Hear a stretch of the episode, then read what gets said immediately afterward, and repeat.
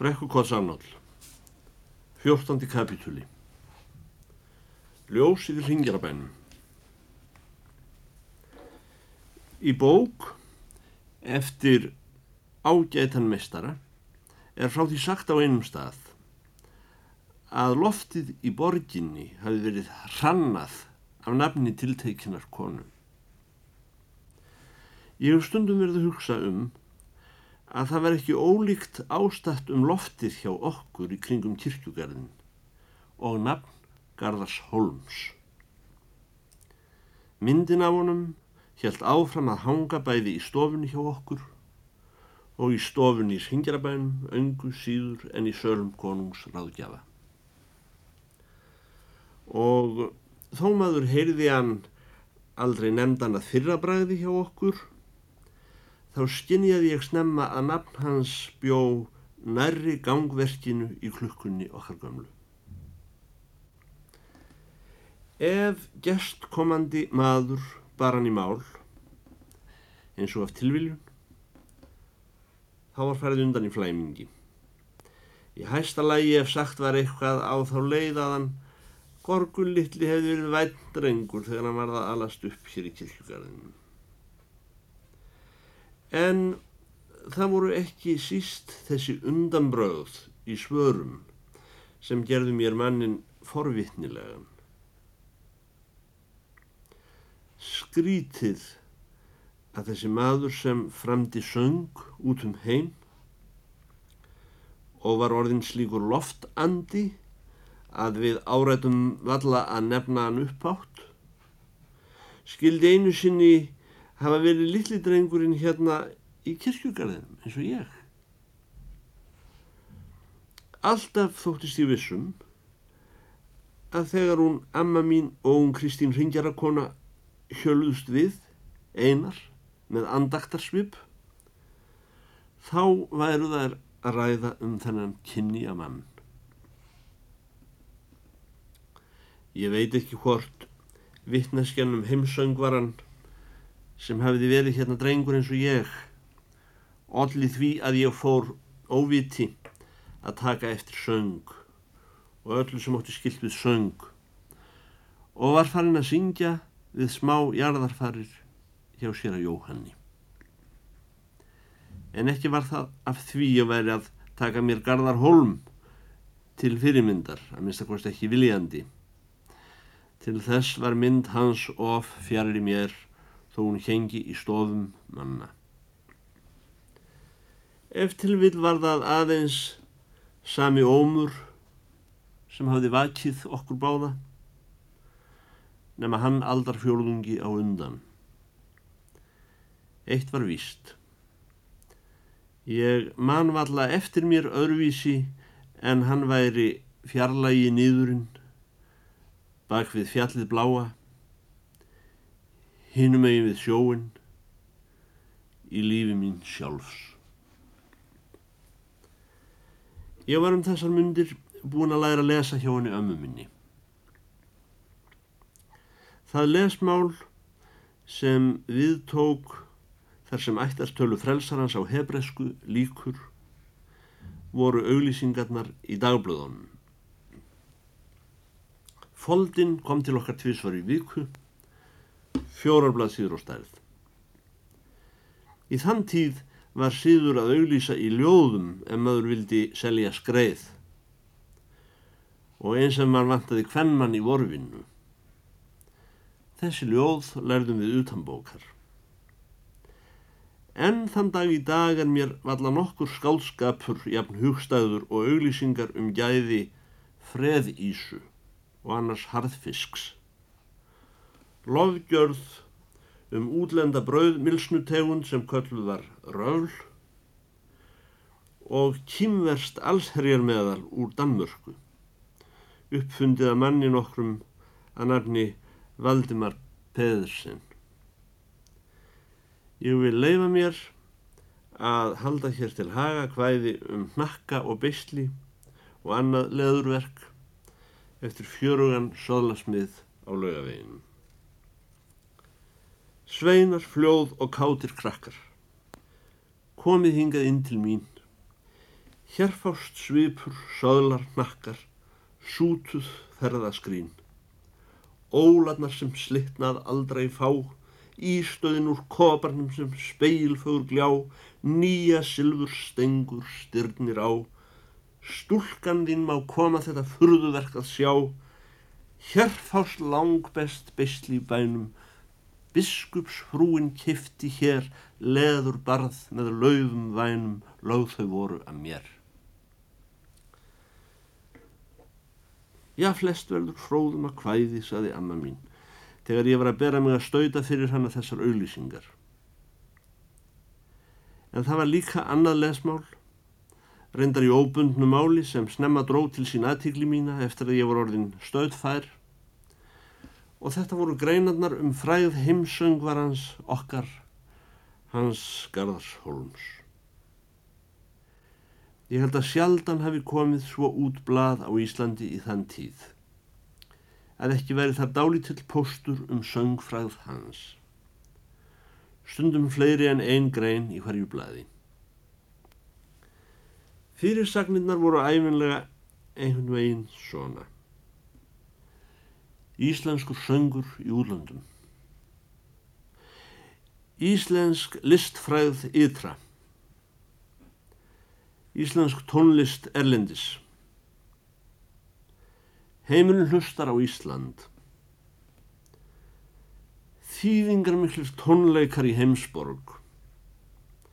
Eða Íslandi fagnað í stórblæðinu Le Temps. Efni greinanna var í afnan eitt og þið sama. Garðar Holm hafði enn einu sinni aukið fræð Íslands í útlöndum. Í borginni Kussnacht hafði hann sungið þessi lög, fagurt galaði fugglins á, kindur í arma í kofanum og austankaldin á að sples. Blaðið Kussnachtar Nachrichten hafði sagt þetta eða hitt.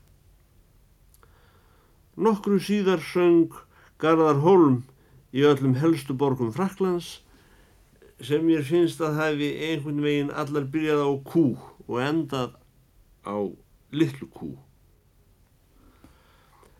Allt í einu kemur að hann sé laður á stað í söngförtu Lundúna, Parísar, Róms og Kæró, New York, Buenos Aires og áfram. Innan skams fóru líka berast glefsur úr blaðinu La Stampa og blaðinu The London Times svo og lofdýrð eftir Muhammed Ben Ali í Kæró. Í öllum þessum borgum höfðu menn staðið á öndinni yfir þeirri snild er berst af Íslandi. Hún Kristín Sálu í Ringjarabænum sást í alveg sérstökuljósi. Ókunnir menn komið til mín á götu, klöppuðu mér á kollin og sögðust vita ég væri eitthvað skildur honum. Og þegar ég var sendur í búðina að kaupa olju þá gaf búðarmadurinn mér hnefa af rúsinum í virðingarskinni. Já, ég fekk marga aðréttuna í Guðmundsens búð út á hann Garðarholm. Á hverju sumri, frá því ég fór að muna eftir mér, var heims söngvarans beðið með tilhlýðilegri orðfæð. En þeim mun fleir sögulli augna tilitum sitt voru megin við kirkjugarðin uns úr þessu ofvæni hafði tekst svo lengi að mér var farið að þykja fátt náttúrlegra en það að Garðarholm kæmi ekki sumar og kannski aldrei það eru svo margar borgir í heiminum. Og einmitt um það bíl sem ég var búin að sætta mig við það fyrir fullt og allt að Garðarholm væri samskonar ómark eða tómt mál og flest önnur tíðindi sem gerðust í úrlöndum og viðbúinn því að hann kæmi aldrei að eilifu þá kom hann. Það var einn hásumar morgun þegar skíin mjúku er að leysast sundur yfir esjunni. Án Kristín okkar í Ringjarabænum er rétt nýkomin ofan. Hún gengur út að gefa hænsnónum eins og hún er vön í bítið á mótnana. Stendur þá ekki frakkaklættur maður á hlaðinu fyrir utan í syngjarabænum og er að skoða sig um.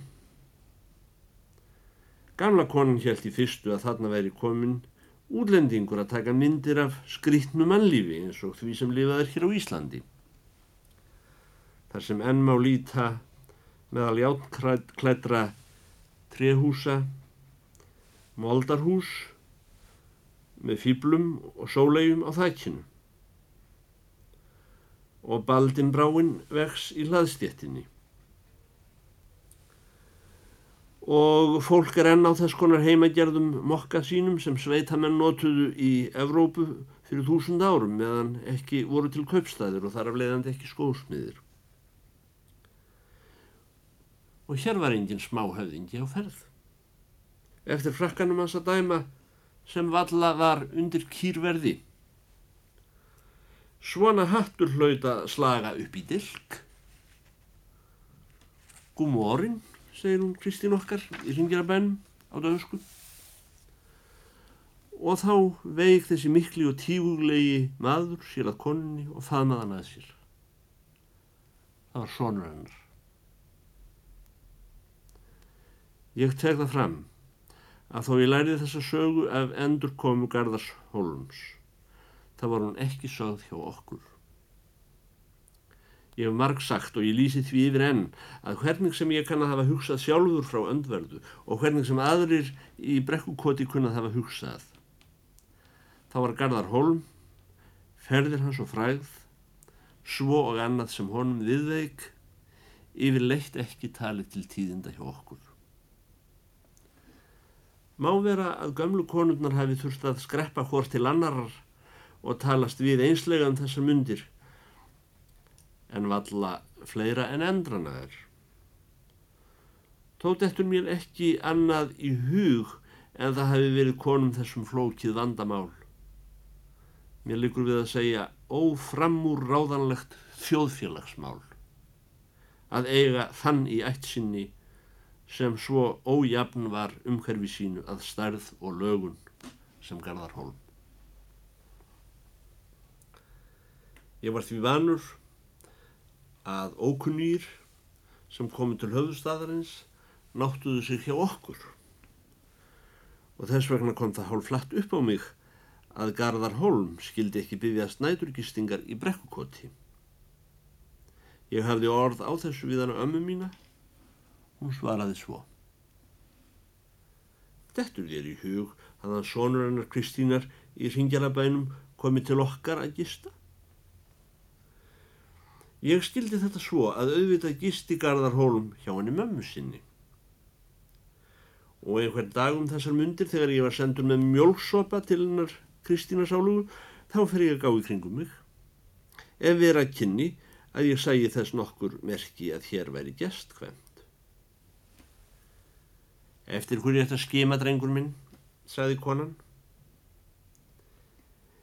Ég held kannski að, að einhver væri hérna, sagði ég.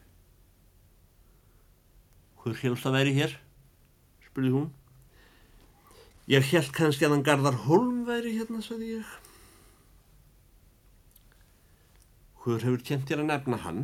spurði hún. Það er allir að tala um það, sagði ég. Tala um hvað, sagði konan. Hverjir eru þeir allir? Vallaðan björn í brekkugoti. Það eru mann í foldinni, sagði ég. Í foldinni, saði konan. Guð hjálpi barninu að vera farin að lesa dagblöð. Hérna er kandísmóli og farðu svo heim. Og verður nú ekki að drolla á leiðin hans Gabriel sáluga höfuðengil sem hún ammaðinn skildi að þurfa að snúa þér. Hann garðar hólm. Ekki nema það þó. Hvernig spyr barnið? Ef hann er ekki til húsa hjá landshöfðingjanum góði minn þá myndi hann auðvitað gist á hótel Íslandi þar sem það kostar dilk að sofa af nóttina og kú að sofa í viku. Svona svar var nú ekki beinlýnist til þess fallið að flýta för hugsandi manns um kirkjugarðin. Þetta var raunin reikningsdæmi. Ef það kostiði dilk að sofa í eina nótt og kú að sofa í viku. Hvílikar ótaldir hjarða, lampa og nautgripa áttum við þá ekki í brekkukoti.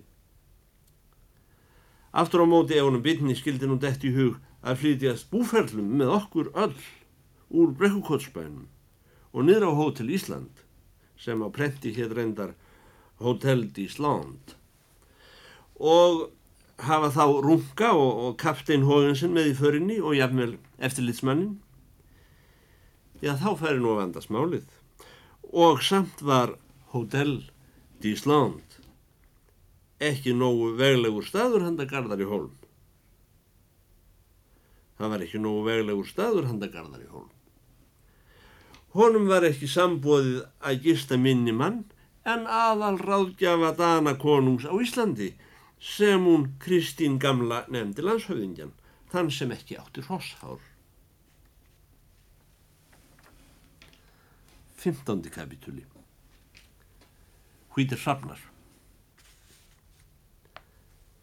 Sjálfséðir hvítir hrafnar, saði Björn í brekkukoti einhvern morgun þegar sólinn glitraði á hreistrið í svaðinu hjá okkur og tveir stórmanlegir gestir voru að mutra sér í gegnum krossliðið. Kondu sæl gorgur minn og vertu velkomin í landið og sæl vertu nú litli Guðmúnsen, já nú detta mér dauðalís úr höfði, síni lítilæti og ganga í bæin sá maður sem afi minn kallaði Lilla Guðmúnsen var sumsi engin annar en sjálfur Guðmúnsen kaupmaður eigandi Guðmúnsens búðar. Þar sem ég hafi fengið alla rúsinundnar út á hæfna frændsemi við mikinn mann. Og gorgur minn þessi hattbarðastóri útlendingur með arnar svip í auga, nefi og munni það var hinn mikli maður sjálfur Var ekki von mér vefiðist tunga um höfuð að bjóða góðan dag. Hver er þú ungi maður, saði alheimsöngverðin. Álfgrímur, saði ég. Hann horfið á mig í leiðslu og endur tók nafn mitt fyrir munni sér. Álfgrímur. Svo sem býr eina nótt með álfum. Álfgrímur. Það sem við höfum allir átt að heita. Guðmún sem kaupmaður fór hann í vasa sinn eftir týrinum handa mér. Le petit garçon, saði hann. Hann gekk að höfðingja síð í svörtum frakka með flauelskraga um hásumarið og hafði digra gullkeðju á þessum breyða maga sem aðeins kemur á heldri mann. Það var gladbeittur og brósljúfur eins og sveitastúlka eða réttar að sagt eins og sagði um Pétur Postula í einni af þulum ömmu minnar, rjóður sem plantin plómi.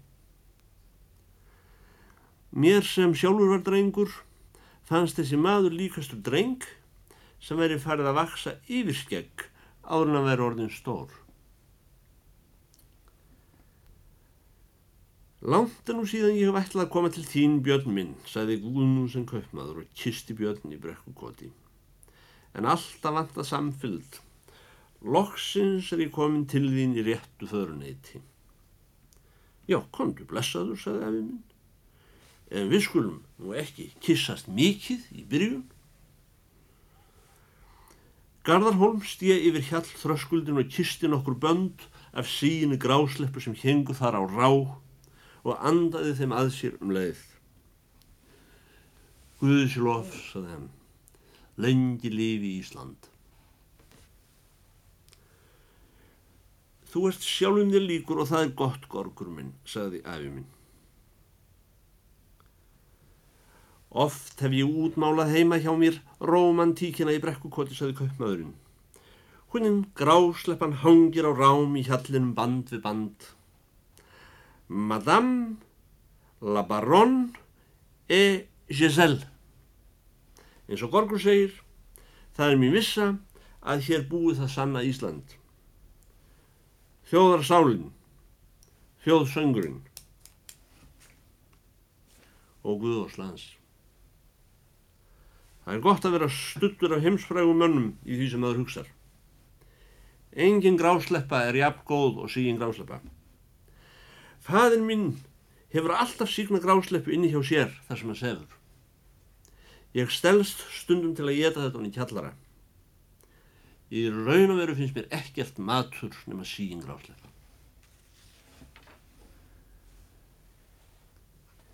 Já, vöndur minn, sagði Karðarhólm. Það er að minnst kosti óþarfi að binda slöfu á slíkan mat áður en í ettin.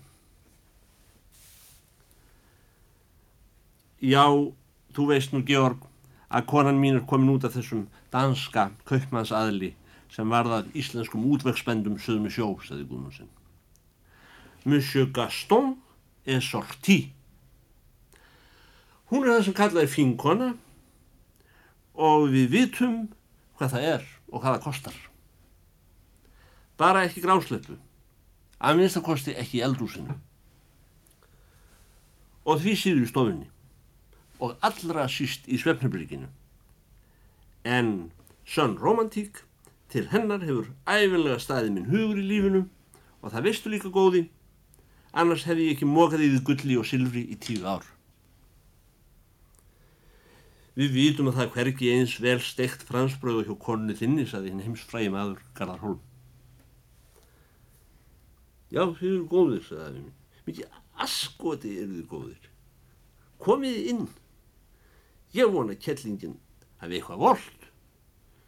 Að minnst að kosti er alltaf hægt að hleypa upp á grásleppu kæfti handukkur.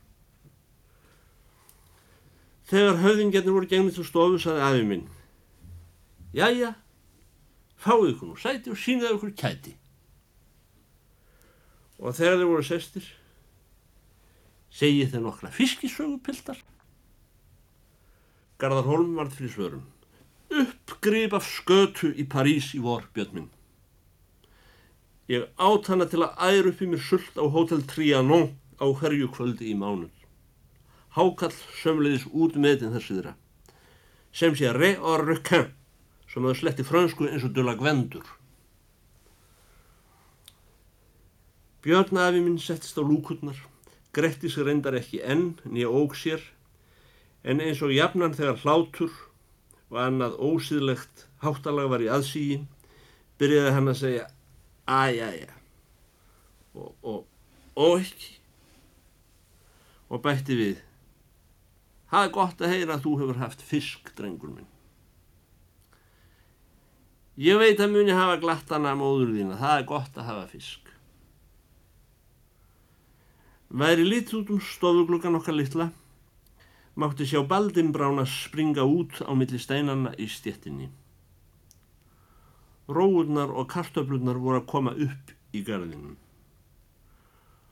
Og fúna gerðið lága millir túns og kálgarðs á kafi í ræmfangi, njóla og honn.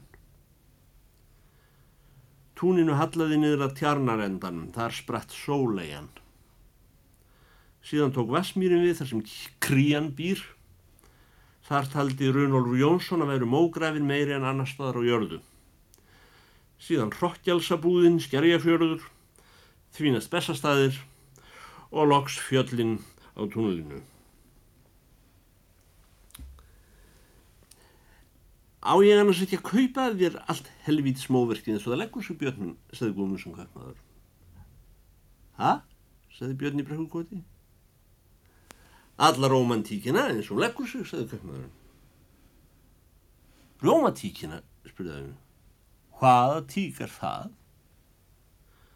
Garðar Holm var skjótar í svörum. Það er svo tík sem ekki fæst til að lepja annan en Róma. Ha ha ha, sagði Guðmundsson. Mikið er annars margt skrítið í málum. Ég vil að læra fransku nýlega. Tókuð eftir því ég sagði áðan Le Petit Garçon. Er það ekki stórmerkilegt að þetta skulle hljóma alveg eins og Le Petit Garçon? Síðan hló kaupmaðurinn ákallega. Hérna hefur þú tvo öðragvendur, sagði alheimsöngverinn og greitti sig og farði svo út. En kaupmaðurinn var orðin alvöru gefin aftur. Ég vil kaupa þetta kott, sagði hann. það verður að fara að byggja hallir hér á Íslandi. Hva, hvað segir þú Björn? Ég skal láta þig hafa príma kjallara inn á laugavegi og gull til að kreista eins og skýt það sem þú átt ólífað. Æja, æja, sagði afi minn, þar sem að sata lúpunum. Ó, ekki. Það hefur verið styrt tíðin í vorpildar. Hvað segir þau? spurði kaupmaðurinn. Þá veik afi minn til við mig og sagði Viltu segja manninum að ég og við hérna í sprekkukoti sem farin að heyrilla? Hann ætla að láta þig fá gullpenninga afi minn, sagði ég. Viltu segja þeim að hafið þér ætlað að tala við mig um fisk? Þá skuli ég selja honum litla gúnum sem eins og fimm bönd af síni grásleppu út í innskrift. Guðmundsson kaupmaður fór nú að brína raustina við afa minn. Ég vil kaupa að þér þannan part björn minn, sagði hann. Ég ætla að byggja hérna stórhísi. Ég borga það sem hún setur upp. Ég segi, gefa þér band af reyktum rauðmaga Guðmundsson litli svo þú hefur eitthvað að tönglast á meðan þú lappar heim, sagði afi minn.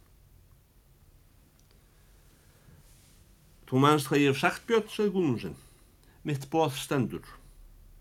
Hvaða dag sem er skal ég telja þér út þá fólku sem þú tiltekur.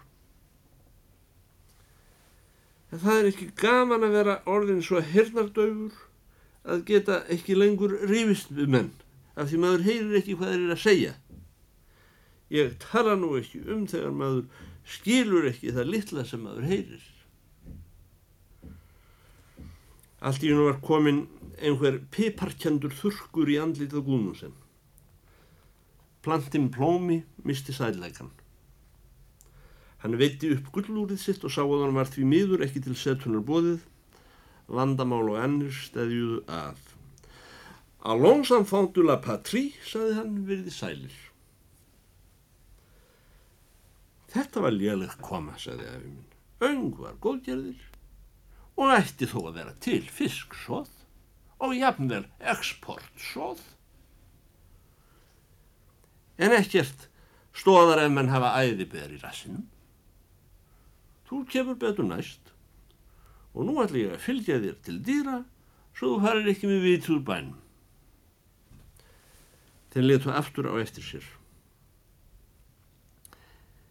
Eftir satt í stofunni sá frægi maður sem sungið hafi fyrir heiminn og hjá Múhameð ben Ali. Glannaskapurinn var gerhorfin úr fasi gestsins á samri stund og dyrnar lukust aftur eftir lagsmanni hans. Hann var hugsi.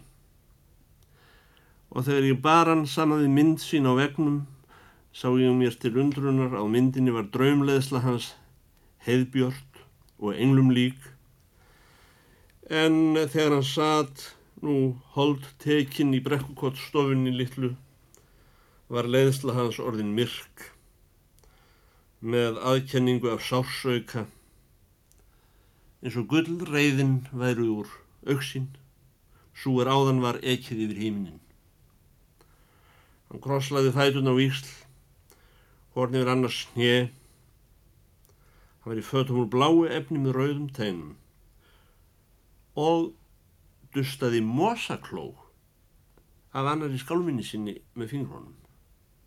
Eða var það heistrá? Síðan leita hann á mig. Tæri vinur, hvað heitir þú? Saði hann. Álfgrímur, saði ég. Æ, hunnin læti ég, saði hann. Auðvitað heitir þú Álfgrímur, meðal annara orða, hvað heldur þú um heiminn, Álfgrímur? Ég held ekki neitt, sagði ég. Ég, ég var bara heima hérna í brekkukoti. Við þessi einföldu orð sem ég hefði haldið mest blátt áfram allra orða var eins og gesturinn ránkað allt í einu við sér. Hann uppgötvaði mig. Hann horfið lengi á mig. Og ég sem hafði verið að vona að ég væri ekki til þó svo ætti að heita að ég húkti þarna í horni. Merkilegt, sagði hann stór merkilegt. Hann stóð upp og horfið út um gluggan í lágu stofunni okkar. Það voru í honum fjóra rúður úr stórgerðu gleri í við bláleitu með loftbólum og öðrum steipugöllum. Það myndi á gler í gamlum flöskum. Alheims söngvarinn horfið á veröldina út um gluggan okkar. Og ég heyrði ekki betur en hann tautaði fyrir munni sér. Svo stofan með glugganum þeim aðna er sem sé til. Rétt í þessu sló klukkan okkar, ég held tvö eða kannski þrjú, með þessum stjæra hvella hljómi sem jafnan verður af Silvurbjörlu. Og hún slæðir þarna enn, sagði maðurinn. Hann eh, snýri sér að klukkunni, stóð lengi fyrir framann hana og hlustaði á hann að ganga með gamla tífinu sem alltaf heyrðist svo glögt þegar hljótt var í kring.